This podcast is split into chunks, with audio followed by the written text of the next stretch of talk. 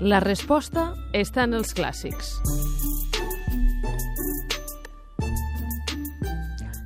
No faig així com el petit bailet, que va cercant senyor que se'l festeja i el tinga escalf en el temps de glaçada i fresc d'estiu quan la calor té el ple.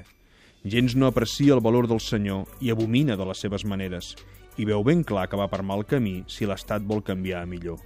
Hem escoltat un fragment, una estrofa d'Ausias Marc en la veu del Joan Santanà, que és doctor en filologia i que ens aconsella a l'hora de llegir amb els nostres fills clàssics de la literatura. Avui aquest fragment que ens parla de l'interès i de l'egoisme. Efectivament.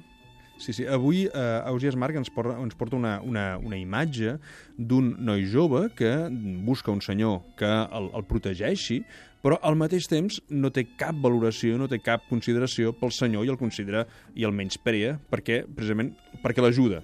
És aquesta contradicció entre l'egoisme i el menyspreu envers els altres, que seria una actitud que, en la mesura del possible, s'hauria d'intentar evitar. I això, a l'hora de compartir-ho amb ells, com els hi diríem?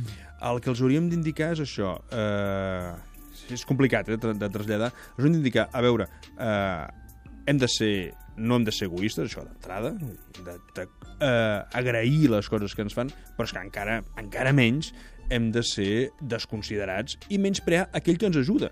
I el menysprear algú precisament perquè t'ajuda, perquè té consideració amb tu i creure que d'alguna manera està obligat a fer-ho, doncs és un error terrorífic. I, per tant, el que hem de fer és, és això, agrair sempre que algú ens ajudi. I els fills doncs, han de ser conscients, doncs, si l'avi et va a buscar a l'escola, doncs, escolta, l'avi està fent un esforç, segurament té ganes d'estar amb tu, però està fent un esforç d'acompanyar-te, i per tant això és una cosa que s'ha d'agrair. Em feies pensar en la imatge d'ells intentant-se posar les sabates i tu que l'ajudes i ell... Ah, exacte, sí, sí, és una mica doncs això. això, una mica sigueu agraïts, fillets Sigueu nostres. agraïts. On ho podem trobar, això? Això ho trobarem en una antologia que en Josep Piera va preparar eh, de- d'Ausias Marc dins la col·lecció de clàssics de l'editorial Barsino, que forma part de la Fundació Carulla. I ho són, eh, d'agraïts a vegades. Sí, i tant. Gràcies, Joan Santanat. A vosaltres.